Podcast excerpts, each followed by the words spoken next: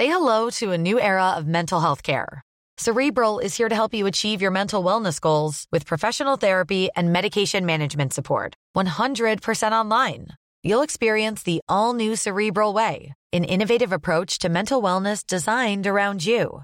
You'll get a personalized treatment plan from a therapist, prescriber, or both in a safe and judgment free space. Your cerebral therapist or prescriber will outline a customized plan with clear milestones along the way so you can get to feeling your best. With Cerebral, you're not alone in your mental health journey. We're here to empower you to live a fulfilling life. So take that first step towards a brighter future and sign up today at cerebral.com slash podcast and use code ACasts to get 15% off your first month. Offer only valid on monthly plans. Other exclusions may apply. Offer ends July 31st, 2024. See site for details.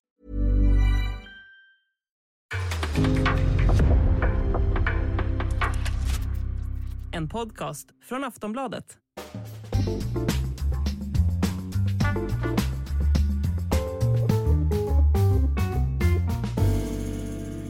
Hjärtligt välkomna hälsar vi då till VM-podden, Sportbladets VM-podd. Eh, några av er kanske lyssnade på avsnittet vi släppte redan i fredags som handlar om värdlandet Qatar.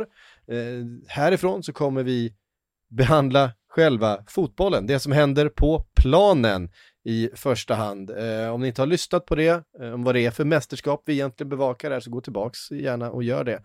Eh, Idag ska vi prata om grupp A och grupp B. Vi har ungefär en vecka kvar tills eh, eh mästerskapet drar igång. Med mig har jag Makoto Asahara och Frida Fagerlund. Eh, grupp B, där hittar vi ju ditt England, bland annat Frida, som precis nu eh, för en liten stund sedan släppte sin trupp. Eh, men vi kommer komma in mer på den. Vi får väl börja med grupp A ändå va? Eh, där hittar vi Qatar, Ecuador, Senegal, och Nederländerna. Jag tror man ska säga Nederländerna och inte Holland. Det De ändrade för ett par år sedan. Det stämmer enligt uh, TT-språksreglerna, absolut. Ja, för länge var ju, liksom Nederländerna heter ju landet, men, men just fotbollslandslaget var ju Holland eh, fram tills för bara ett par år sedan. Så skulle man be... Men länge hade vi ju på Sportbladet vår egen, vi följde ju inte TT heller utan Nej. vi fortsatte. Vi sa nu Holland under men, VM 2018. Precis, för det. diskussionen fan har funnits tidigare, till och med på förra EM tror jag till och med. Så jag vet inte riktigt när vi har bara gått över till att bli Nederländerna. Eh, ja, enligt, jag, jag, diskuterade det här faktiskt med en eh, person från Nederländerna och att den här diskussionen har ju funnits också då i Nederländerna mm. eftersom Holland är en region i Nederländerna. Ehm, och det har funnits personer som tyckte att det var fel att, att kalla just eh, fotbollslandslaget för det holländska.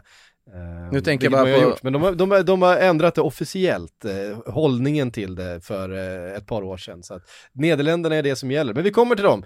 Vi börjar med värdlandet Qatar, som sagt. Eh, vi pratade mycket om värdlandet i eh, det första avsnittet som kom i fredags. Eh, nu ska vi prata om fotbollslaget Qatar. Eh, Makoto, vad, vad hittar vi där egentligen? Vi hittar ett sammansvetsat eh, tiki-taka fotbollsspelande grupp eh, spelare som alla spelar i den katariska ligan, alla har fostrats i, i då Qatar också. Vissa... Ingen är född där. Jo, en del är födda där, men en hel del är också invärvade från ung ålder då till deras idrottsakademi, den stora Aspire Academy som, som den heter, där de har fostrats. Eh, en akademi som då valde att ha värvat in alltså spanska tränare, många tränare från La Masia och Barcelonas eh, verksamhet. Och det är ju då för att om man tittar på den här satsningen som Qatar gjort inför, alltså den sportsliga satsningen inför sitt mästerskap så är det ju så att den började ju för över ett decennium sedan. Och vilka var det som var i toppen av världsfotbollen då? Jo, FC Barcelona. Det var den modellen man ville följa och det är därför vi har ett väldigt passningsorienterat Qatar som har köpt sig in i turneringar, får man faktiskt säga att de har gjort ändå, och liksom blivit inbjudna också till vissa eh, i till exempel Copa America, i Concacaf Gold Cup och så vidare som de har spelat. Och det är ju en väldigt sammansvetsad grupp. Det är lite så de jobbar i, i, i Qatar. Så är det ju givetvis. Men det, det, det är ett lag som på pappret ska vara det klart svagaste i mästerskapet. Men det är också ett lag som mycket väl kan överraska för de har ju varit på träningsläger i flera månader tillsammans för att de har ju kunnat pausa den där ligan bäst de vill. De flesta spelarna spelar i, ja till exempel i Al-Sad i katariska ligan, Chavis gamla klubb. Eh, och eh, det är ett sammansvetsat lag vi kommer få se. Sen är frågan hur långt det kan gå. Ja, det är ju ett, eh, ett Qatar som har blandat också i de här matcherna de har spelat under eh, uppladdningen här. Fick stryket av kroatiska U23-landslaget med 3-0 eh, i september. Men så kryssade man också mot Chile.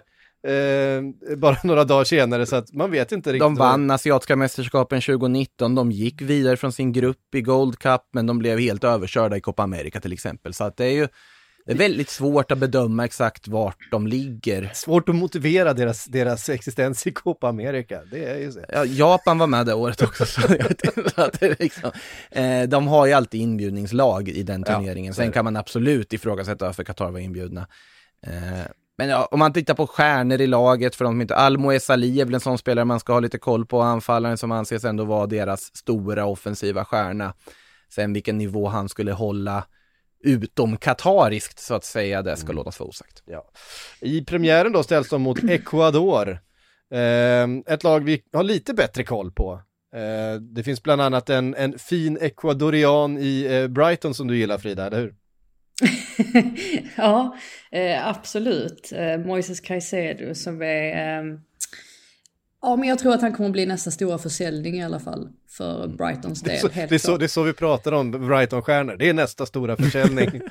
ja, men absolut, så det, det, får de finna sig i. Är de så duktiga på att hitta juveler lite var, varstans så eh, ja, får de räkna med att eh, ja, då kommer andra klubbar vilja kliva in och, och plocka dem. Jag tänkte bara säga där på Qatar också, mm. um, just det här med att jag tyckte det var så ironiskt att Pep Guardiola gick ut här tidigare i veckan och beklagade sig över att VM skulle spelas på vintern och han syftade väl främst egentligen på att spelschemat blir så fruktansvärt tjockt och att Premier League kommer att dra igång igen så pass snabbt ändå som den kommer göra. Alltså annandagen är ju tradition att man spelar och så blir det även i år trots att mm. VM då tar slut väldigt tätt inpå. Och det är ju ganska ironiskt med tanke på att Pep Guardiola var en av Qatars VM-ambassadörer. Han var ju en av de här som, som själv spelade i, i Qatar och trivdes väldigt bra i landet och ställde då upp på att vara med i den här kampanjen då som Qatar förde 2010. Så man ser där att visserligen så kanske inte Guardiola insåg att VM skulle spelas på vintern, han kanske inte heller visste om att han skulle vara tränare i en storklubb i England som kanske är den mest intensiva ligan ändå i, eh, i hela Europa. Men eh, ja, bara, bara liksom flika in det där lite. Att, på, på eh, den tiden så ryktades han ju också ta över Qatars landslag.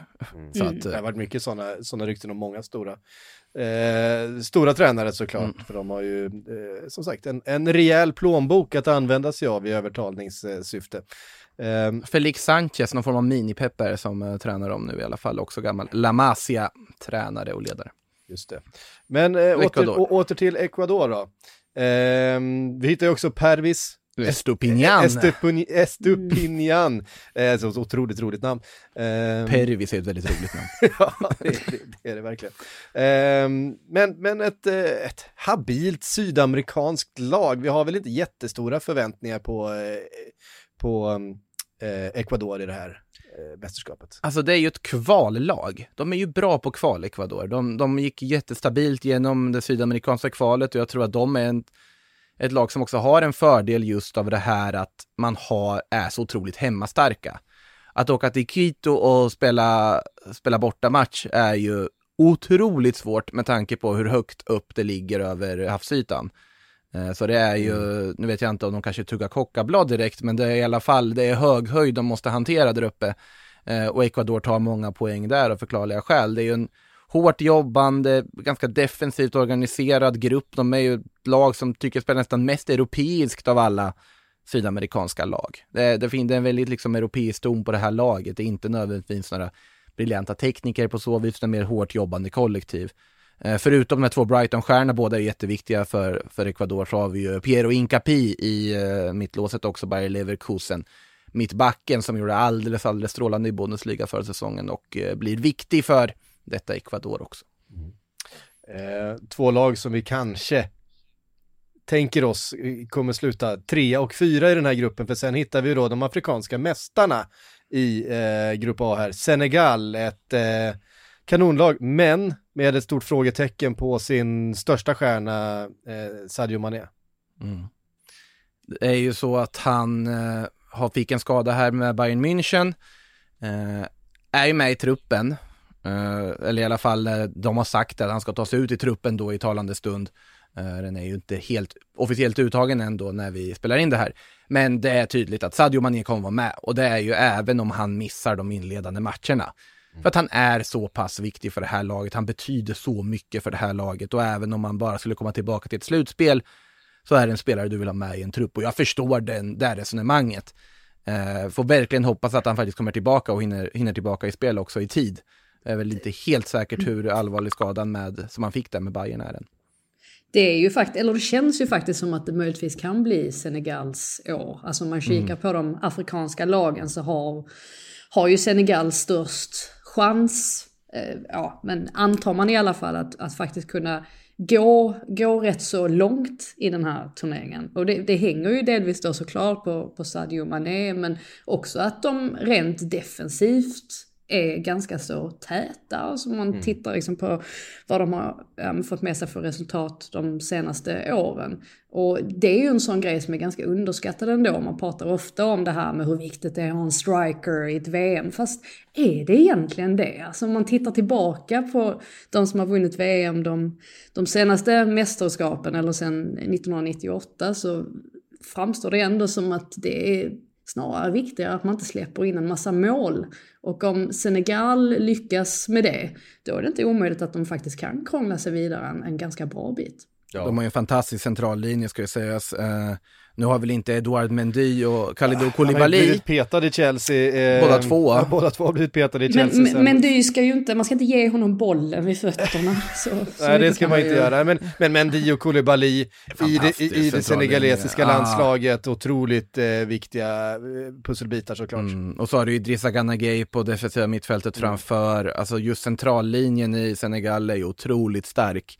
Eh, sen också... Ismail Azar som bolltransportör eh, med, med, speed och fysik liksom. Ja, underlätta lite och ta bort lite av arbetet för eh, Mané också med att det är ju mm. en spelare som kan, kan göra sin gubbe, skapa chanser, göra mål. Eh, jättefin spelare.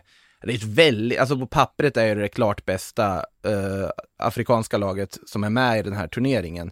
Eh, och det visar de när de vann eh, afrikanska mästerskapen också det, de har jättegoda förutsättningar att gå långt, men de måste ju få tillbaka Sadio Mané. Jag tror, jag tror det betyder mycket för moralen att få tillbaka Sadio Mané och att han blir spel, i spelbart skick under turneringens gång i alla fall. För att det, ja, det går inte att beskriva hur viktig den är för dem. Mm. Man är ju också väldigt svag för förbundskapten Aliou Cissé. Eller jag är det. Det är man. Det är man. man är otroligt svag. För. Ja. Det var otroligt mycket meme-material han eh, försedde oss med förra, förra VM. Det var man väldigt glad för. Eh, ja, men han, är, han är ju en sån eh, profil och just det att de har vunnit ett stort mästerskap tillsammans redan och det var inte så länge sedan. Det var i februari som man vann det afrikanska eh, mästerskapet. En svår turnering att vinna på väldigt många sätt. Eh, och att man lyckades kriga ner det där hoppet hopplöst defensiva, fruktansvärda Egypten i... i eh, vi, kommer, vi kommer prata lite om dem, trots att de inte är med, därför att de har, eh, de har ju värvat förbundskapten då, eh, Iran, när vi ska prata Grupp B eh, som vi kan förvänta oss spela ungefär lika, lika sprudlande fotboll som eh, Egypten gjorde i det där eh, afrikanska mästerskapet, vilket var, det är den, den, han står för den mest fruktansvärda fotbollen av alla i, i, i, eh, i världen. Så att, att det blev Aliou Cissé istället som fick eh, lyfta den bucklan som eh, kapten med, eh, eller inte som kapten, med, som förbundskapten, eh, var ju viktigt. Ehm, eh, Senegal såklart, har chans att vinna den här gruppen, ställs mot de, vad, vad, har vi för förväntningar på Nederländerna den här, eh, det här mästerskapet egentligen? Det är klart att det finns enormt skickliga fotbollsspelare där, men de har inte riktigt landslaget känns det som. Det, det är inte det helgjutna, det finns ju andra lag, men att titta på de största favoriterna så skulle jag inte riktigt eh, ta med Nederländerna. Men de har inte Louis van Gaal. Nej, det, det, de har det, inte Louis van Gaal, det har, det, har Nederländerna. man jag, jag, tror du, jag, jag tror du baserar, baserar detta för mycket på Virgil van Dijks eh, dagsform också. Gör du inte det? Eller? Ja. det, vis, det, vis, alltså det är ett bra lag de har. Uh, tycker jag med, som sagt, van, van Dijk och De Ligt, det är ju inget dåligt mittbackspar direkt och De Freyt på det där. Frenkie de Jong på mittfältet, det går Absolut. att hitta ganska mycket eh, sämre fotbollsspelare än så att eh, ha som temposättare och eh, ja, allt i allo på det mittfältet som han kommer vara. Eh, offensiven, Cody Gakpos form i PSV har ju varit alldeles fenomenal. Eh, Memphis Depay får vi se hur, hur status är på honom. Han har ju knappt ett dagsljus i Barcelona på sista tiden med tanke på på konkurrensen där och, och, skador och så vidare, men han lär väl leda offensiven på topp. Annars har du ju såklart Luke de Gaulle som du kan kasta in, Luke mm. de Jong, eh, som ju känner eh, Gakpo väl också från PSV. Så att Danjuma, andra spelare som du har, Berechwein, Alltså nederländska ligan håller ju en väldigt hög nivå och du har väldigt många spelare som håller en väldigt hög nivå. Håller en okej okay nivå, men det är så svårbedömt tycker jag vilken, vilken nivå de faktiskt håller. Um... Jag tycker, att det är, jag tycker att det är en stark trupp. Alltså, eh, jag har ju tippat Nederländerna som etta i den här gruppen och så Senegal mm. som tvåa. Jag tror ändå mm. att eh, europeiska lag, eh, man måste ändå ja, de, de gör oftast väldigt bra ifrån sig och Nederländerna är ett väldigt, ett väldigt erfaret lag också på något sätt. Att man, man tänker sig ändå att de borde kunna liksom, få ihop det och, och ta sig vidare ändå en bit i den här turneringen. Alltså när jag pusslar ihop mitt slutspelsträd så hamnar de i semifinal. Så ja, att, det är, inte, är så det pass? Inte omöjligt. Ja, det är absolut inte, inte omöjligt. Tycker, Nej, alltså, alltså höjden, höjden finns ju i, i uh, många av de här spelarna, så är det ju. Men Ja, jag, jag vet inte. Denzel Dumfries, vi minns vi hur strålande han var under EM förra året. Det ska vi komma ihåg, där Holland, eller Nederländerna, nu gjorde jag den liksom. Ja, där, där Nederländerna fick Det är tio, tio spänn i burken varje gång vi säger fel i det här. Jag tänker bara, jag tänker bara på det här Seinfeld-avsnitten när de pratar om det här och någon bara, men who are the Dutch then? Man lägger in den också, i alla fall. Ja. Eh, nej, men eh, vi, de var ju alldeles briljanta i det här gruppspelet och sen mm. åkte de ju ut väldigt oväntat och väldigt abrupt ur det här mästerskapet. Eh, det finns väldigt mycket kvalitet och eh, alltså högsta nivå i detta Nederländerna. Vi minns hur otroligt bra Dumfries var till exempel under EM. Han kommer fortsätta spela på den där kanten och bara storma fram. En bärande spelare från EM just, eh, Wijnaldum skadad borta. Vem tar över den ledarrollen och den positionen på planen? Eh, här skulle ni säga, ledarroll, ledare finns det ju gott om, både de Ligt och van Dijk är ju, är ju liksom ganska naturliga lagkaptener och så vidare. Men jag tänker på det där centrala mittfältet har ju Wijnaldum varit eh, själva motorn i, i eh, Nederländerna. Utan att ha sett truppen än så finns det väl vissa olika alternativ där. Bergui är en av dem, lite mer offensivt lagd och i och för sig om han skulle ackompanjeras av Frenkie. Martin Deron lite mer defensivt lagd. David Klasen ett annat alternativ som skulle kunna gå in där. Eh, vi ska komma ihåg också att det är lätt att stirra sig blind på de absoluta toppnamnen och bredden. Det viktigaste i ett sånt här mästerskap är att ha en, en trupp som fungerar och alla de här spelarna är spelare som spelar på bra nivå är vana vid det. Eh, och de som sagt, de har van Gaal som förbundskapten och jag tycker att van Gaal fortfarande är ganska vass. Framförallt i eh, Nederländerna har han ju varit det. Mm. Mm. Lite läskig bara kanske. Alltså, om man jämför honom underhållare. med, Cissé så är han ju lite, ja, ja underhållande absolut. Eh, lite, lite obehaglig ibland. Ja, ja absolut, det är också det. det. Verkligen, Nej, men det, är, det, är ju någonting, det är ju någonting som fattas där. Men det, så är det ju med alla de här största tränarna i Europa. Det är, det är, egentligen, det är egentligen bara Ancelotti man hade lånat ut pengar till. Eh, men, hade du inte eh, lånat ut pengar till Erv Renard? alltså, de, de, är ju så, de är såna galningar allihop. Men det, det är ju en förutsättning för att orka med, tror jag, livet i, eh, i den situationen som man är. Man är en topptränare i Europa. För jag tror att det är ett sånt fruktansvärt, eh, en sån fruktansvärd press och ett sånt svårt och jobbigt jobb. Att eh, det, det, det, måste ju vara någon slags diagnos som håller de här människorna flytande. Eh, det, det, är min absoluta övertygelse. Eh, hur skulle ni tippa grupp A då? Eh, ni var inne på det, Nederländerna. Jag skriver, båda två. Jag, jag, skriver under på Fridas tips på Nederländerna 1, Senegal 2. Mm. Svår, svårt att se att det är någon som skulle sätta något av de andra två lagen 1 och 2 i den här gruppen. Och ändå så är det ju alltså om nu Qatar missar att ta sig vidare från gruppen, det är inte så många gånger det har hänt tidigare att en, att en värdnation gör det. Det var ju bara Sydafrika 2010 och Ryssland vet vi hur det gick för dem 2018 att de lyckades ta sig vidare. Ehm, men man har ju svårt att se att Qatar ska kunna rå på både Nederländerna och eh, Senegal, det, det tror jag inte. De kan nog chocka Ecuador i en premiär. Det tror jag Mycket inte är helt otänkbart, men Mm. eh, Det kan de absolut göra. Nej men jag tror också... Jag har dem som trea faktiskt. Ja, du har ju Qatar som trea. Ja, du har dem trea ja, ja, det är inte alls omöjligt med tanke på att de möts i premiären och det är hemmaplan för Qatar och de kanske är mer samspelta och... har vi det bekräftat att Ecuador är med nu för övrigt? Ja, det, de får lov att Ja, vad bra. och delta. Kas har sagt sitt Eh, nu. Ja, vad skönt. Ja, det var väl, eh, vad var det, att de hade registrerat en spelare som var född i Colombia. I kvalet, ja, och Chile ville väldigt gärna ta den platsen. Precis. Peru också. Eh, det ville de.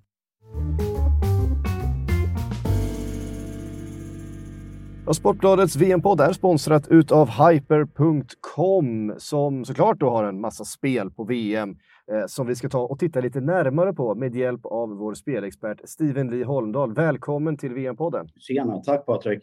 Och du har ju några schyssta spel i vanlig ordning, Steven, som eh, du har hittat från eh, Grupp B, va? Yes, där vi har då allas favorit England som det alltid surras så vitt brett om. Men eh, Allas, allas favorit. ja, som vanligt. Men det är väl lite sådär att det eh, Southgate hänger väl lite på en skör tråd redan som det är tror jag. Och jag tycker att det finns väldigt mycket frågetecken i både truppen, spelet, spelsystemet, lite allt möjligt sådär. Eh, Så jag har faktiskt riktat in mig på att är inte säkert att de floppar, men jag är inte heller säker på att de vinner gruppen. Så jag har tagit in USA som gruppvinnare där till sex gånger pengarna. Oj! Eh, MLS-ligan är väl, det, den kanske inte är någon klassliga, men man måste väl ändå säga att den har blivit bättre och bättre de senaste åren. Och man har många spelare som är framstående i lagen där och även eh, spelare som är duktiga i sina klubblag här i Europa. Så det är väldigt eh, små marginaler ändå som jag tycker att England har till sin fördel och jag tycker inte att de ska stå som så stor favorit. Eh, så jag spelar USA som gruppvinnare till sex gånger pengarna. Ja, spännande. Eh, och det spelet hittar du såklart då på hyper.com. Och eh, kom ihåg att du måste vara 18 år för att spela. Glöm inte att spela ansvarsfullt. Har du eller någon du känner problem med spelandet så vänd dig till stödlinjen.se. Från eh, Grupp A då så eh, eh, rör vi oss till Grupp B. Eh, Där har vi Yes. precis suttit och tittat då på Gareth Southgates eh, uttagning av eh, den engelska VM-truppen. Eh, några skrällar Frida, vi hittade ett par va? Ja, fast det känns som att just nu hade det ju varit en, en större skräll om James Madison inte hade varit med i truppen. För folk, folk satt ju och var beredda eh, att hamra på sina tangenter och, och rasa över att Madison inte var med efter den här fantastiska hösten som han har varit. Men eh, Gareth Southgate har eh, lyssnat tänkte jag säga, det tror jag inte. Jag tror inte att han är så populistisk egentligen. Men han har bestämt sig för att ta tillbaka Madison i värmen och eh, det är ju en spelare som har gjort en enda landskamp i karriären så här långt och anledningen till det är ju faktiskt främst att han gick på det här kasinobesöket 2019 eh, när han påstod sig vara ja, inte var tillgänglig på grund av att han var sjuk eller dylikt. Och eh, det här fick ju Southgate reda på och sen dess så har man förstått då att det, det är nog det som har legat bakom också att Madison inte har, har varit med. Nästan Eh, Steven men- Ireland-klass på den. Eh, ja, verkligen. verkligen. Er som- Å andra sidan så... Ja, ja förlåt. ja, för er som inte minns. Steven Ireland som, eh, som ringde till irländska fotbollsförbundet och sa att hans mormor hade gått bort så att han inte kunde dyka upp. Ja, det är sjukt. visade sig att mormor var inte alls död. Nej, att, att de tror, men det är så, det är så fantastiskt också att de inte förstår att de är, att de är publika figurer, att folk känner igen dem och sådär. De, att de tänker kanske inte tar riktigt. reda på om det här verkligen Ja, stämmer precis. eller inte. Är inte det sjukaste här att du använder din mormors död som en falsk bortförklaring? Det är väl det som är det sjukaste av allt egentligen. Men det finns ju lite andra spelare som förstås har ja, men, eh, varit i hetluften i England och inte minst då Phil Foden som togs tillbaka i värmen ganska snabbt igen efter att han hade varit ute och slirat där på Island. Ehm, så det finns ju, finns ju exempel Jack Grealish också under pandemin som inte var helt gjorde helt okej grejer. Men eh, nej, James Madison är med och eh, ja, folk är ju nöjda och glada över det. I övrigt så skulle jag väl säga att det inte är jättemånga skrällar. Callum Wilson är med, jag tycker att det är väldigt, väldigt kul för honom mm. framför allt och det är ett smart val av Gary Southgate också. Jag hade nästan blivit ännu gladare om Danny Welbeck hade varit med. Men Callum Wilson är ju verkligen en allround bra anfallare som blir ett perfekt backup till Harry Kane. För att det är ju inte så att han eh, åker till VM och tänker sig att han ska få spela jättemycket. Vi vet om att Harry Kane kommer att spela så mycket han bara kan. Nu är han i och för sig ganska så trött här, sa, sa Antonio Conte. Eh, inte minst då i eh, mötet med eh, Nottingham Forest i ligacupen som Tottenham förlorade här, häromdagen. Men han, eh, Harry Kane kommer spela så mycket, mycket han kan och eh, Cannon Wilson får då eh, vänta lite på sina chanser. Men det som annars sticker ut här det är ju att England har en väldigt, väldigt bra offensiv. Har haft lite problem i övrigt på vissa positioner. Det här med att Harry Maguire inte får spela speciellt mycket i Manchester United. Och han var ju en viktig spelare och har varit en viktig spelare för Southgate under väldigt lång tid, inte minst i VM 2018. Han var det också i EM förra sommaren, även om han inte spelade de tre första matcherna blev det väl alla gruppspelsmatcher på grund av skada. Eh, så att där finns det väl lite, lite frågetecken ändå. Karen Trippier på högerbacken är sån otrolig form. Eh, det ska de vara glada över med tanke på att det finns väldigt många skador där. Utöver, eh, utöver det, eller alltså Kyle Walker som är med här men har haft lite problem under hösten och sen Reece James då som missar eftersom att han inte hinner bli tillräckligt fit helt ja, enkelt. Det kommer en, eh, en kommentar om det från Southgate att det fanns en chans att, att Reece James skulle kunna vara tillgänglig till typ en kvartsfinal. Men att det hade kunnat anses vara ganska arrogant att ta ut en sån spelare som kanske kan bli och lämna en frisk spelare mm. hemma som faktiskt skulle kunna vara tillgänglig no. i gruppspel, i åttondelsfinal och så vidare och dessutom slänga in en spelare som inte har spelat på så länge direkt i en kvartsfinal i VM. Sen, hade inte varit... Ja. Nej precis, men sen är han ju inte, han kör ju vidare på sin elva också, det vet han om. Han kommer inte göra jättemånga förändringar i någon av de här matcherna egentligen. Annars är det ju så i en turnering att man, man, man inleder kanske lite trevande och sen så håller man på och mixtrar fram och tillbaka innan man hittar liksom sitt, sitt gyllene koncept. Och Southgate alternerar ju visserligen mellan en trebackslinje och en fyrbackslinje, men det är inte speciellt mycket som förändras i alla fall, alltså sett till vilka spelare han väljer. Alltså Luke Shaw kan, och Karen Tripper kan, kan spela både i en fyrbackslinje och som wingbacks. Eh, nu blir det intressant att se vilka han väljer på centrala mittfältet. Jag antar ju att det kommer bli Declan Rice och Jude Bellingham som är första valen. Mm. Calvin Phillips är ju med i truppen trots att han knappt har spelat någonting under hösten. Jag hade glömt att han tillhörde Manchester City om jag ska vara Han kostar en ja, halv miljard. Så att... Men precis, dels på grund av skada då, men också för att man väl har märkt att han inte har varit speciellt högt upp i, i hierarkin, eller att man märkte det mm. inledningsvis i alla fall. Men oavsett så kan jag ändå förstå varför Southgate tar med honom och jag kommer ändå kunna förstå om det är så att han spelar också i vissa matcher för att Southgate känner honom så himla väl och han var väldigt viktig under VM också och hade en väldigt speciell roll där han Alltså om man då säger att, att England spelade 4-2-3-1 i vissa matcher så, så gjorde de ju inte riktigt det i alla fall för att Calvin Phillips kunde helt plötsligt liksom vara en del av anfallslinjen så att Southgate vet ju vad han får ut av Phillips.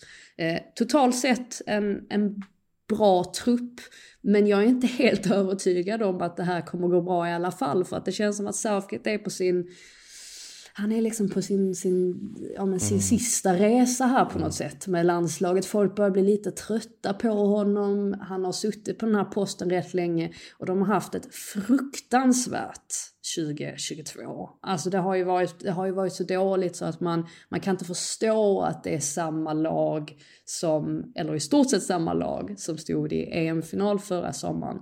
Så det gäller ju verkligen att de får saker och ting på plats väldigt snabbt, någonting vi inte har sett då på ganska länge. Det är ju en uh, Trent Alexander-Arnold med, måste man ju notera också ändå. Det var ändå lite snack fram och tillbaka, men nu var det mycket högerbackskador, så det är ju inte så ja. överraskande. De som missar, som kanske är lite överraskande, eller jag tycker är lite anmärkningsvärt, även om det inte är förvånande på något sätt. Det är ju inte en förvånande laguttagning från, om man känner Gary Southgate. Men att Fikayo Tomori till exempel inte är med tycker jag är ganska anmärkningsvärt. Marco Ehi inte med. Eh, till exempel då Connor Cody får chansen i truppen, han har gjort det jättebra i Everton också här nu. Ja, det är ju Eh. inte en spelare du tar med om du tänker att du ska ställa dig med en jättehög backlinje och spela offensiv fotboll. Connor Cody, nej, nej, nej men han, han är där. Och det, och det, Han är ju men, bra i en trebackslinje, det är ju, det är ju Ja. framförallt där, därför han är Ja. med. Eh, och Tomori är ju mer en fyrbackslinjekille så att säga. Eh. Men annars så tycker jag det är ganska, det är ganska få utpräglade, visst eh, Ben White är ju en mittback eh, i grunden även om han har spelat högerback den här säsongen, men det är ju eh, Harry Maguire, John Stones eh, och Eric, Di- Eric Dyer och Connor Cody, det är fyra, eh, om man tänker sig att Connor Cody eh, är med för att spela trebackslinje om det behövs, eh, men såklart eh, Ben White kan också spela, eh, Mm. spela mittback såklart. Ben Eh, White hade ju passat perfekt i den vakanta Kyle Walker-rollen om inte Walker är tillbaka i Mm. tid så är det ju i en trebacks tycker jag. Eh, nej som sagt, Tomori är väl den jag saknar mest här, att Ward Prowse flyttas på till förmån för Madison, det får man väl ändå säga, eller Conor Gallagher kanske till och med. Eh, tycker jag är rimligt också egentligen, du har andra bra frisparksfötter i den där truppen om vi säger så. Eh, Det- synd för Ivan Tony helt- att inte komma med, men det är ju Callum Wilson eller honom var väl lite där också. Men... Mm, alltså jag, jag, i, I Tony Wilson-fallet tycker jag det är lite hugget som stucket. och Tony faller ju uppenbarligen inte Southgate i smaken. Han var ju med här på senaste samlingen och fick inte spela någonting. Vilket måste indikera att Southgate har ja, men sett någonting som han kanske känner att nej men det här behöver vi inte ha så mycket av. Jag, jag vet inte riktigt vad motiveringen bakom det är. I Tomoris fall så tror jag inte det gynnade honom att han gjorde två ganska usla insatser mot Chelsea i Champions League. Eh, Jag kan tänka mig att Southgate satt och, satt och kikade där och ligger man då på gränsen på något sätt att eh, ja, men kanske inte komma med, ja, då, då hjälper ju inte det direkt ens, ens aktier så att säga att få sådana insatser. Det var ju verkligen fel match att göra det i, eller fel matcher att göra det i överlag för honom. Det var definitivt, definitivt fel match för Han skulle, att ha, göra. han skulle klantat bort det mot Spezia borta eller något istället, då hade inte Southgate sett det antagligen. Men återigen, man kan prata hur mycket som helst Ja. om, om vilka, mittbackar som skulle ha varit med eller inte. Det, det kommer vara samma spelare, tror jag, som kommer att spela nästan alla matcher. Eh, förutsatt då att de, de får vara skadefria. Och det, det blir väl Maguire som man kör vidare på. Det hade Ja. inte förvånat mig. Nej, det Även om väl han inte är... Eh, ja, alltså, jag, jag tror... Med Maguire får man nog säga så att han är liksom inte i mentalt slag. Han har haft ett väldigt, väldigt tufft år där han inte har fått förtroende i Man United och där engelska supportrar har buat ut honom på Wembley även då han inte har gjort någonting, alltså till och med liksom innan matcherna drar igång. Bedrövligt. Helt bedrövligt Ja, tycker jag. det är ingen lätt sits han har suttit i heller. Sen vet vi om att han gör sina klumpiga grejer och ibland är han som ett kylskåp och allt det här som folk säger. Men eh, man ska komma ihåg också att han under EM förra sommaren var väldigt bra. Ehm, Så Southgate kommer ju minnas liksom det och han, Southgate kommer ju säkert tala om för honom att han tror på honom. Så att det skulle förvåna mig om det blir Maguire och Stones i det där mittlås- mittlåset. Vad tror vi om offensiven? Alltså Kane är självskriven. Mason Mount är borde väl vara självskriven som 10-rollen. Eh, Ja, precis. Det Sterling det- lär väl spela, Sterling och Foden. gissar jag också va? Ja, Bukayo, ska, då lä- har man lämnat ut till Bukayo Saka. Och Vilket det, jag kan man, tror det de- kan man ju inte göra. Det kan man, ja man är Gary Southgate kan man nog göra det om man litar på det andra Jag tycker materialet. inte att man kan det. Problemet, är ju, problemet med Phil Foden är ju att, att Gary Southgate inte riktigt har hittat en position där han fungerar som bäst. Eh, Det är ju, England spelar ju inte på samma sätt som Manchester City, så, så är det bara. Och då har, det märkts att han har haft lite svårt att veta var han ska sätta Foden någonstans. Samtidigt som då Saka fick ganska mycket förtroende under, eller ganska mycket, han fick väldigt mycket förtroende under EM förra sommaren, kanske mer än vad man hade trott. Eh, fick ju till och med en slå en straff som han ju missade, men har ju slagit in desto fler straffar efter den turneringen. Så att jag antar att det kommer att bli, ja, om man vill då utgå från att det blir en 4-2-3-1 typ, så blir det Declan Rice och Jude Bellingham och sen så har man kanske då Mason Mount och så alternativt då James Madison om man vill välja honom istället som tia. Och eh, ja, sen blir det kanske Saka då, Harry Kane och Sterling. Eller om man då liksom väljer att, att få in Foden på något sätt också. Eh, och sen har man Jack Grealish, får man inte glömma Mm, heller. nej, Visst, nej. han har, inte, han har inte gjort jättemånga mål den här hösten och har ju inte heller, har ju haft det lite tufft det där ändå med, med hur mycket förtroende Southgate har, har gett honom. Jag menar förra sommaren var det ju hans namn alla supportrar sjöng. Det har man glömt nu redan eftersom att han har haft det lite hackigt. Eller han har ju egentligen inte haft det hackigt. Han har haft det hackigt med målskyttet i City. Man har ju fortfarande varit han har blivit bättre och bättre i, i sina insatser. Så att det finns många spelare att ta av i alla fall. Så, så mycket kan man ju säga. Jag är oerhört glad att de tog med James Madison, eh, inte minst då, sen får vi se hur mycket speltid han får, men han har ju haft en sån fantastisk form senaste veckorna. Alltså hans, hans form har ju verkligen pekat uppåt under den här säsongen. Till skillnad från en Phil Foden som började bra, men har ju suttit på bänken en del under uh, de senaste veckorna i, Manchester City. Inte sett lika eh, pigg ut kanske. Eh, och Jack Grealish har varit, har fått ganska mycket förtroende ändå i, i Manchester City, men gör ju inte sin bästa eh, höst. Han har ju inte hittat formen som han lämnade Aston Villa om vi ska vara riktigt ärliga. Ehm, Fast Pep, Pep gillar ju honom. Pep, Pep gillar honom, Han men Pep, Pep, Pep har investerat ganska mycket liksom i sina planer. Jag tänker inte på pengar. Pep gillar men, mycket han har i och för sig att tillgå. Ofta. Ja, ehm, men Pep har ju bestämt sig för att Jack Grealish är hans gubbe liksom. Mm. Eh, och det kan man ju köpa. Alltså, jag tycker också att Jack Grealish är en fantastisk fotbollsspelare. Men, men jag tycker att James Madison är så uh, underhållande att titta på just nu när han är i den här formen. Det, det händer så mycket runt honom. Han kan väldigt mycket. De påminner ju rätt mycket om varandra ska man säga i, i, i kvaliteterna. Ehm, så att jag har svårt att se båda de två på planen samtidigt. Om nu överhuvudtaget någon Ja, utav dem får utgår ju mer centralt och Grealish på en kant, men jag tror att det skulle jag kunna se i ett slutskede eller i en slutelva. Behöver ju inte vara så. Eh, Alltså så- Madison har ju också spelat på lite olika Ja, så- positioner nu under hösten och sen Grealish kan absolut spela centralt också. Mm. Så att, eh, det är ju två möjliga, men jag tror inte heller att Gary Southgate är ingen, ingen eh, förbundskapten som gillar lyxlirare egentligen. Han vill, ha, han vill ha hårt arbetande spelare och då, då tror inte jag heller att, att både Madison och Grealish eh, Nej. ska spela med varandra. Men vem vet, alltså, om man behöver trycka på mot slutet och sådär så är det möjligt att, eh, att det kommer bli så. Men eh, nej, oavsett vad så blir det intressant att se vilken typ av roll Madison kommer ha här. För att nu kommer han vara i samma, samma sits som Grealish var förra sommaren. Att alla kommer vilja se James Madison spela. Så att, eh, ja, vi får väl se.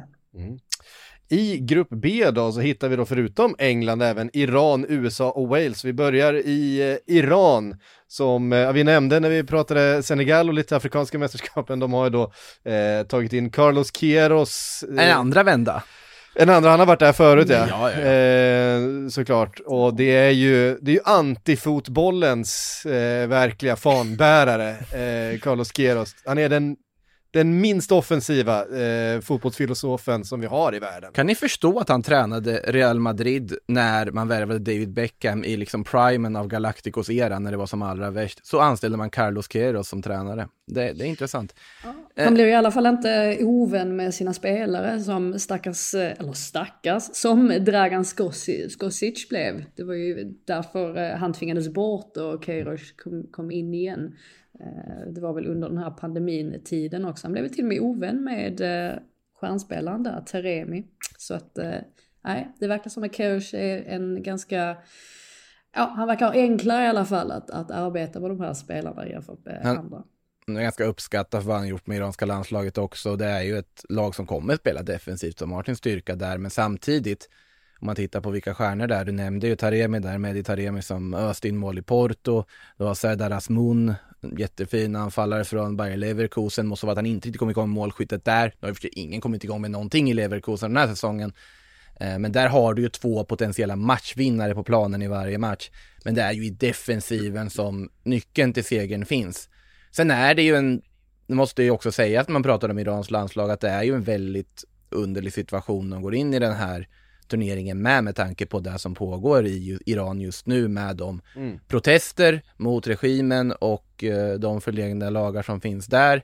Många som ville att eh, Iran skulle stoppas, att deras Mm. plats skulle ges till Ukraina. Eh, det var röster som höjdes för inte allt för länge sedan och som, det var ganska starka röster som förut språkade det, men så har det inte blivit. Iran kommer spela.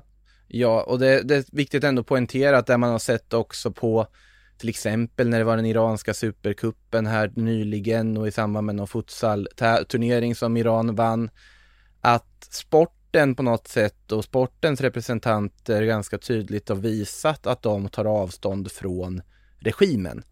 Med att man symboliskt inte firar och jublar vid pokallyftet och det är inte otänkbart att tänka sig att det här iranska landslaget, Team Melli också, det är ju folkets lag att de tar folkets parti och visar, men samtidigt är det en väldigt svår situation för dem såklart ja, också. Och de befinner sig i Qatar, en vännation till Iran mm. som eh, har liknande lagar, som inte kommer tillåta speciellt mycket. Det är ju den delen av världen vi befinner oss här. Så att, men det är en väl, eh, väldigt speciell situation för det iranska landslaget, men det, i grunden så är det här ett landslag som ska ändå, som jag har förstått i alla fall anses vara ett lag som är på folkets sida.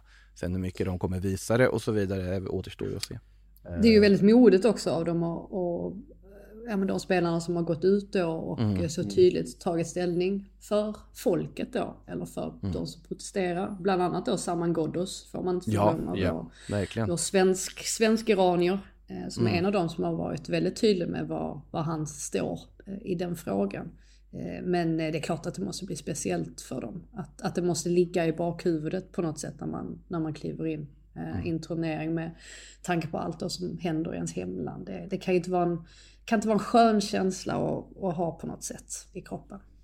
Nej, det blir väldigt, väldigt speciellt. Eh, och sen då... Som... Och en, en, en sak också. Vet ni vem Meditaremi, vet ni vem han påminner om i sin spelstil? Som jag alltid har känt när jag kollat på Porto. Det gör jag ju inte jätteofta, men det händer ju.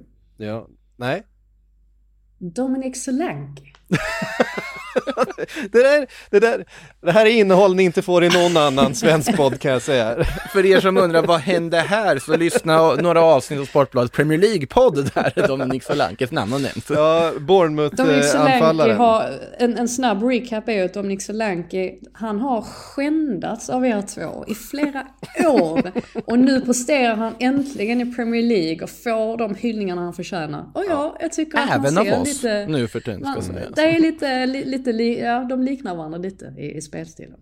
Vi har inte skändat Meditaremis insatser i alla fall och det, det ska vi inte göra heller men Nej, det... Han har varit väldigt bra i Porto. det har varit alldeles strålande. Eh, men det är ju sällan som sagt, eh, med all respekt till Ali Daeis glansdagar, eh, det är sällan Iran har gått in i en mästerskap med två så här pass, alltså internationellt erkända skickliga anfallare som de har just Å andra sidan, Carlos Queiroz eh, hade Mohamed Salah i Afrikanska mästerskapen och eh, Salah rörde typ inte bollen under hela det mästerskapet. Så, trots att han gick in som världens antagligen bästa anfallare inför det mästerskapet. Han sprang och bara tog eh, skugglöpningar därför att eh, bollen fick aldrig spelas så högt upp i planen. Eh, och ja men det var ju helt hopplöst. Eh, han, sprang sig, han sprang sig ju trött och var trött resten Och det var givetvis Salas fel och inte, eller Keros fel och inte Salas fel att han var in, och icke inblandad då i, i spelbilden menar du?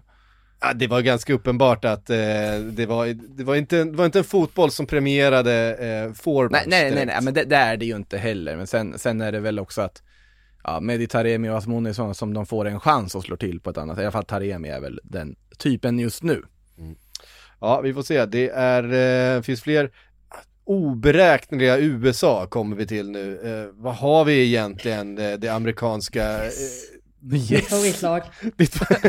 du, som, du som älskar amerikansk soccer, Frida, vad, vad är det för gäng egentligen? Vad, alltså Pulisic känner vi till, ja, det, det finns ganska mycket spelare här, kanske ett mer namnkunnigt amerikanskt lag än vad vi har sett de senaste mästerskapen, men det är ändå otroligt svårt att veta vart man har dem.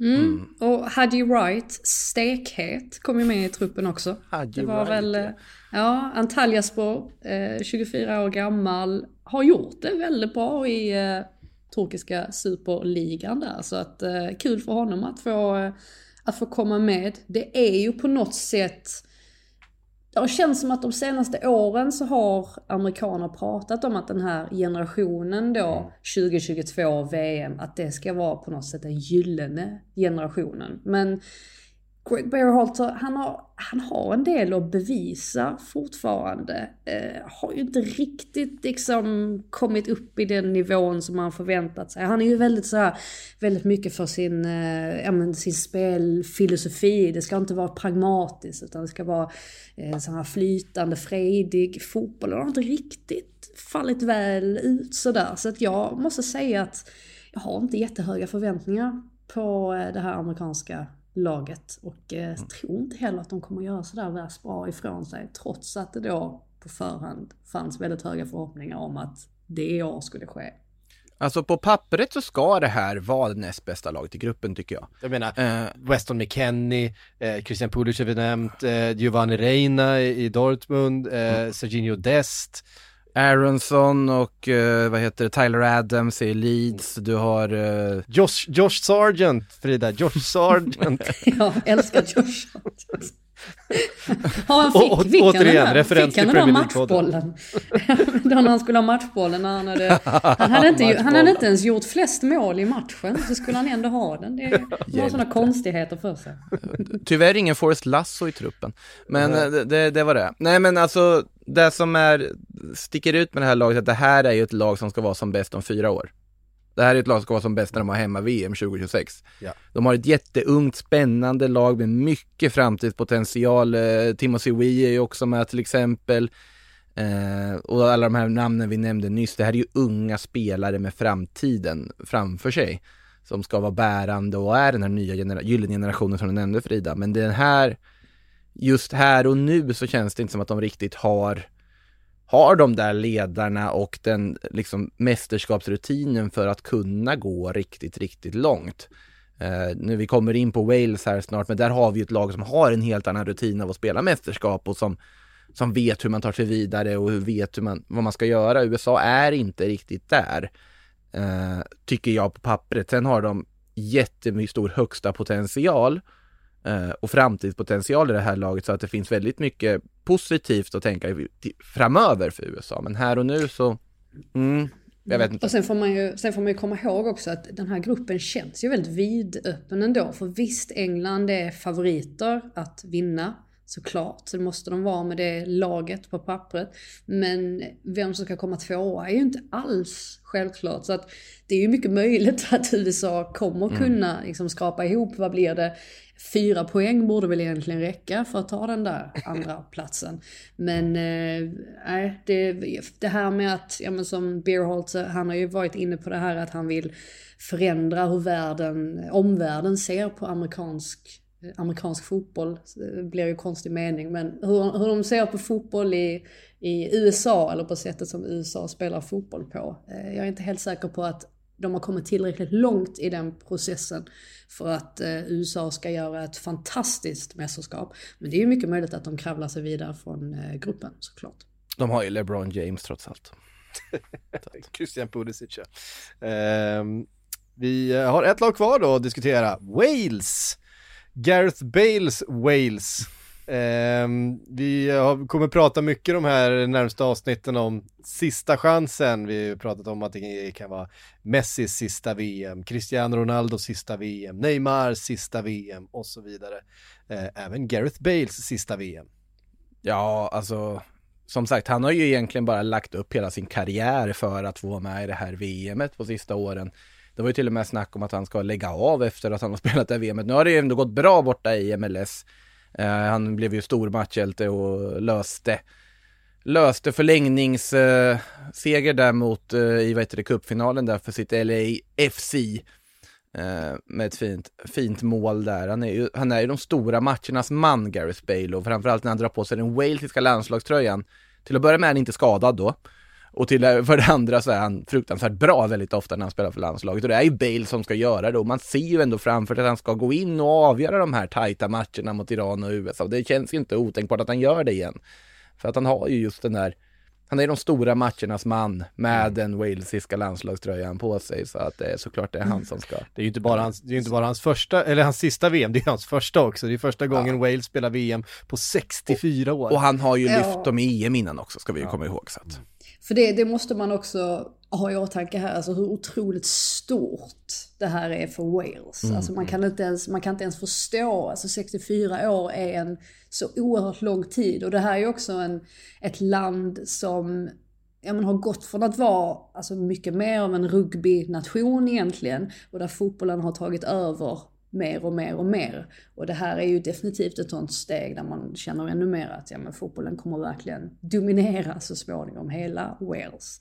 Eh, och på något sätt så också det här med att England är i samma grupp, det ger ju på något sätt en extra dynamik till det här. Mm. För vi såg på Skottland som var i samma grupp som England under förra sommaren. De fick med sig en poäng mot England trots att de spelade på Wembley.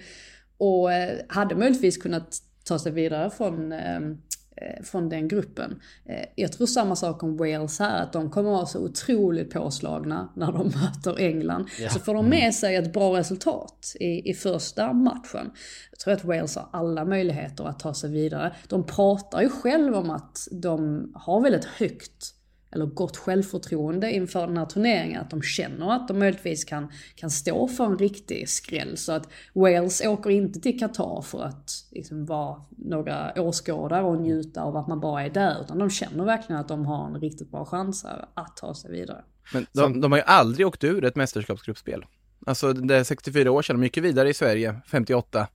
De har gått vidare i de EM-slutspel de har varit, varit med i. Så att de har... Samtidigt så... Jag vet inte hur mycket vi kan, vi kan Nej, kan Likväl, statistiken ljuger inte där. men, men, ganska mycket så är det ju att Wales har ju en, haft en gyllene generation som har liksom passerat över sin gräns och det här är ju liksom sista Eh, kan, kan två spelare vara en gyllene generation? Jag tänker ja, Ramsey Bale, vilka mer Ja men Ramsey Bale, Joe Allen, eh, du hade, ja men du hade under, under ett par ja. år eh, en, en, en walesisk centrallinje, även med, eh, tappar jag bort, vad heter han, försvararen som var Ben Davis som eh, fortfarande är med i Nej leken. jag tänker inte på Ben Davis, jag tänker på försvararen i, i Swansea som gick till Everton och blev superdålig.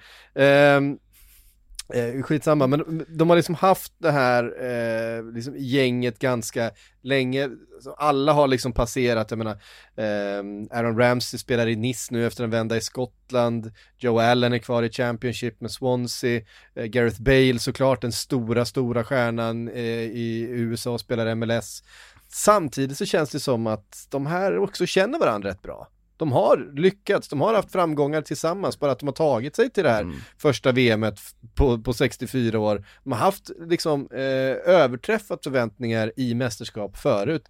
Så känner jag också att, eh, jag menar, en match mot England också med alla känslor som det kommer ha, även om det är borta i Qatar och det inte kommer vara fullt med, med eh, fanatiska supportrar på läktarna, så kommer det vara men, uh, betyda så otroligt mycket för alla nere på planen. Men det, det där, ja. det, största, det största frågetecknet är väl dock med, med Joe Allen då. Han har ju varit skadad sedan september tror jag. Eh, jag tror att det är ljumsken där, eh, har inte spelat alls mm. mycket. Så att han är uttagen i alla fall. Ja precis, det var väl till och med frågetecken kring om han skulle bli uttagen eller inte. Så att det är väl i så fall, ja, men det är orosmolnet som, som Wales har eh, hängande över sig. Men de har ju lite, man stirrar sig ganska lätt blind på att de här just mest namnstarka spelarna har passerat sitt bäst före-datum. Men titta bara på de andra positionerna. Alltså, du har liksom Kiefer Moore och Brendan Johnson. Det är två spelare som spelar kontinuerligt på Premier League-nivå. Du har Ampel, Harry, du, Harry Wilson. Du har Joe Rodon, Harry Wilson. Det är ju bra fotboll. Danny Ward och Hennessy, det är två bra målvakter. Du har ganska att bra inte, trupp. Att du inte att du inte nämner Dan James, vilket... Ja, det, det är faktiskt äh, tjänstefel av mig, men det, du ser hur många andra spelare jag hade att nämna och därför bara glömde bort äh, min personliga favorit där. Han har, han har gått jättebra i Leeds, det har han inte. Nej, Fulham är han ju i nu. Ja, till och med det ja. Så dåligt gick det. ja, ja, men, och, Han har inte gått bra där heller i och för sig. Så att, ja. Nico Williams i, i Nottingham Forest. Nej, men det, det, det, finns ju, det är såklart att det finns en massa, massa kompetens och kvalitet och en jättemycket, mm. såklart, eh, rutin ifrån Premier League och, och, mm. och den ligan. Och just mot England, det blir som ett derby där det kanske inte spelar så stor roll att de heter Harry Kane och eh, Jude Bellingham och, och Jack Grealish på andra sidan planen för att det, det, du vet, derbyn så flyger sånt där ut genom fönstret och det kommer vara, en, det kommer vara ett krig nere på planen. Ja, vi ska, Ja, vi ska komma det, här, ihåg. det, här, Ja. det här är ju Nottingham Forest mot Tottenham egentligen. Ja. Om vi tänker, alltså, det, det, blir ju den typen av match. Och visst, Tottenham vann borta mot Forest den här säsongen. Men Forest hade mycket väl kunnat få med sig ett resultat där. Så att håller man bara tätt defensivt så kan allting hända. Det är allt jag säger. Slog inte, Och vi- slog, slog, slog inte Nottingham Forest? eh, Tottenham i ligacupen nu, precis. De det gjorde i, liga, i ligacupen gör man inte i Premier. Renan Lod gjorde mål av alla människor, men i alla fall. Eh, det, men det blir ju också en sak som Wales har, som till exempel Jude Bellingham inte har. Wales har ju en grupp som är Premier League proven, det är ändå viktigt att poängtera här. Det, det kan inte alla säga. Ja okej, nu måste ni toppa, eller tippa grupp B. Det går inte att sätta något annat än England högst upp, eller hur? På förhand. Nej, alltså rent, alltså jag, jag har ju satt dem tvåa, men, men mitt tips Åh. är ju lite mer, ja, men det är lite mer så här skräll. Att, Ja men det är rätt. Det får man säga. Ehm, och, och jag har, av det jag har känt av, och jag har ändå varit på Englands matcher i år. Och det har inte känts, det har inte känts bra överhuvudtaget. Med det sagt, klart att de ska vinna den här gruppen. Det är inget snack om saken, men jag har bara en känsla av att de eventuellt då kan åka på ett riktigt dåligt resultat mot Wales. Som kanske då möjligtvis tar gruppsegern. Och som sagt, det kan gå precis åt andra hållet. Det kan bli så att Wales slutar sist i den här gruppen. Så osäker är jag på det här tipset. Men jag är inte helt övertygad om att England kommer få ihop det. Och det baserar jag egentligen framförallt på defensiven. Defensiven var deras styrka under eh, förra, eh, förra mästerskapet, eller förra EM. Och, och nu känner jag kanske att det finns en möjlighet att de inte är riktigt lika starka som de var då. Om man tittar vidare i ditt slutspelsträd, trillar England ut mot Nederländerna då? Ja, exakt. I Eh, mitt så att det blir slutspel, en, ja. eh, ja, det, blir- det, blir en, eh, det blir en kort resa för mig till Hem så fort som möjligt. Nej men eh, för mig så trillar de ju ut mot Senegal, det är väl mitt stora skräll jag har egentligen. Att de ändå vinner gruppen och sen då ryker mot en Senegal i en åttondel, vi får se om det håller. Eh, Men jag har England 1, Wales 2. Eh, jag är med där också. Eh, jag, eh, jag, inte, alltså, jag kan se Iran kryssa sig vidare. Man tar, kanske vinner sin match mot USA. Eh, spelar 0-0 mot England och Wales eh, och går vidare som grupp två i så fall bakom England. Men eh, jag tycker också på pappret så ser England och Wales mest intressanta ut. Jag insåg precis att jag gjort ett tips helt utan asiatisk åttondelsrepresentation. Det, är, det, här- det, här, det här är chockerande nyheter, Makoto. Det är, Ja, det är för att jag ser efter. asiatisk landslagsfotboll ibland och vet hur låg nivå den kan ha, tyvärr. Men om man tänker på det så är det väl egentligen så, jag satt också och tänkte på det för att jag har en eh, hel sydamerikansk final nämligen, vilket ju också är lite, Åh. lite ovanligt sett till Det ja, men hur har det en viss annan person här också faktiskt. Ja, och eh, nej men jag bara, jag bara satt och tänkte på det, vilka asiatiska lag har bäst möjlighet att ta sig vidare? Landar ändå på något sätt i Iran och Japan. Att det är de två eh, länderna. Men jag är inte säker på att, att de kommer göra särskilt bra ifrån sig och att Senegal då kommer sticka ut som ja, men en afrikansk representant då som potentiellt kan gå hyfsat långt. Vi kommer prata om det här senare i andra avsnitt, men jag skulle ändå slänga in Sydkorea i den eh, trion också i mixen. Men jag tycker väl om man tittar på grupperna också, så håller jag nog med om att Iran är en av de som har absolut bäst chans att ta sig vidare från sin grupp. Japan har Spanien och Tyskland, så det förutsätter ett uh, fullkomligt haveri för någon av de två toppnationerna. Även om Japan själva uttalat har kvartsfinal som mål i år. Ja, om man ska sikta högt. Ja, verkligen. Sikta högt. Eh, helt klart. Eh, hörde ni, det var grupp A och grupp B. Imorgon så kommer grupp C och D och så fortsätter vi och så kommer vi gå igenom alla grupper här i Sportbladets VM-podd och sen så drar själva mästerskapet igång. Eh, Missa som sagt inte det första avsnittet vi gjorde, så vi släppte förra veckan, som heter Välkommen till Qatar. Eh, viktig lyssning eh, om eh, vad det är som händer där borta och det mästerskapet som vi nu ska följa. Eh, tusen tack Makoto och Frida för att ni var med oss här idag. Som sagt, eh, kommer fler grupper på löpande band här under veckan, bara hålla utkik, eh, men härifrån så säger vi tack så mycket och på återhörande.